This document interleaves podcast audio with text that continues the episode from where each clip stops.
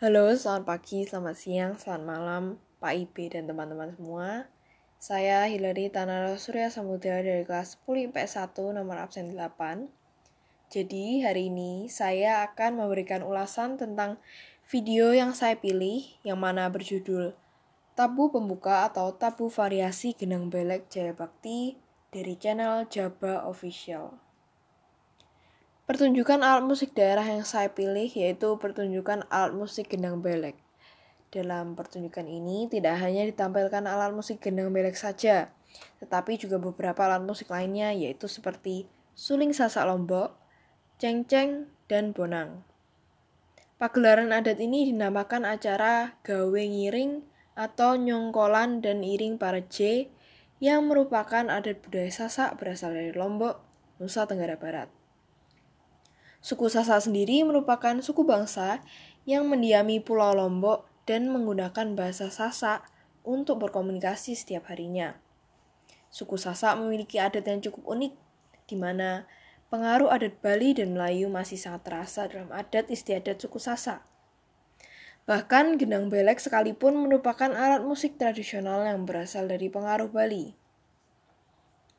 Gendang belek kebanggaan suku Sasak ini berasal dari dua kata, Gendang berasal dari suara gendang itu sendiri yang berbunyi deng atau dung, sedangkan belek berasal dari bahasa Sasak yang berarti besar.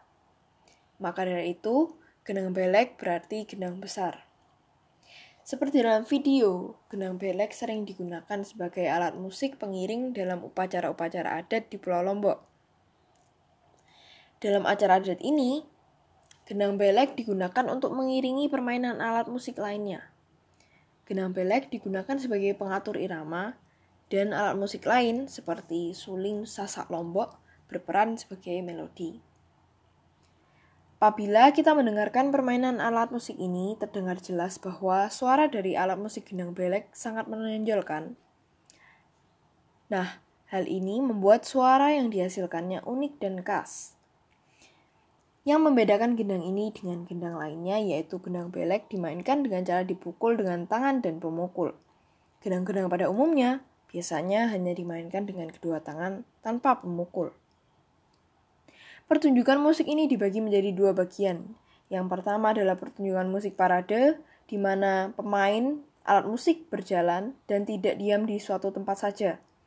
Dan bagian yang kedua, di mana para pemain musik tidak berjalan, tetapi pagelaran dilakukan di suatu ruangan.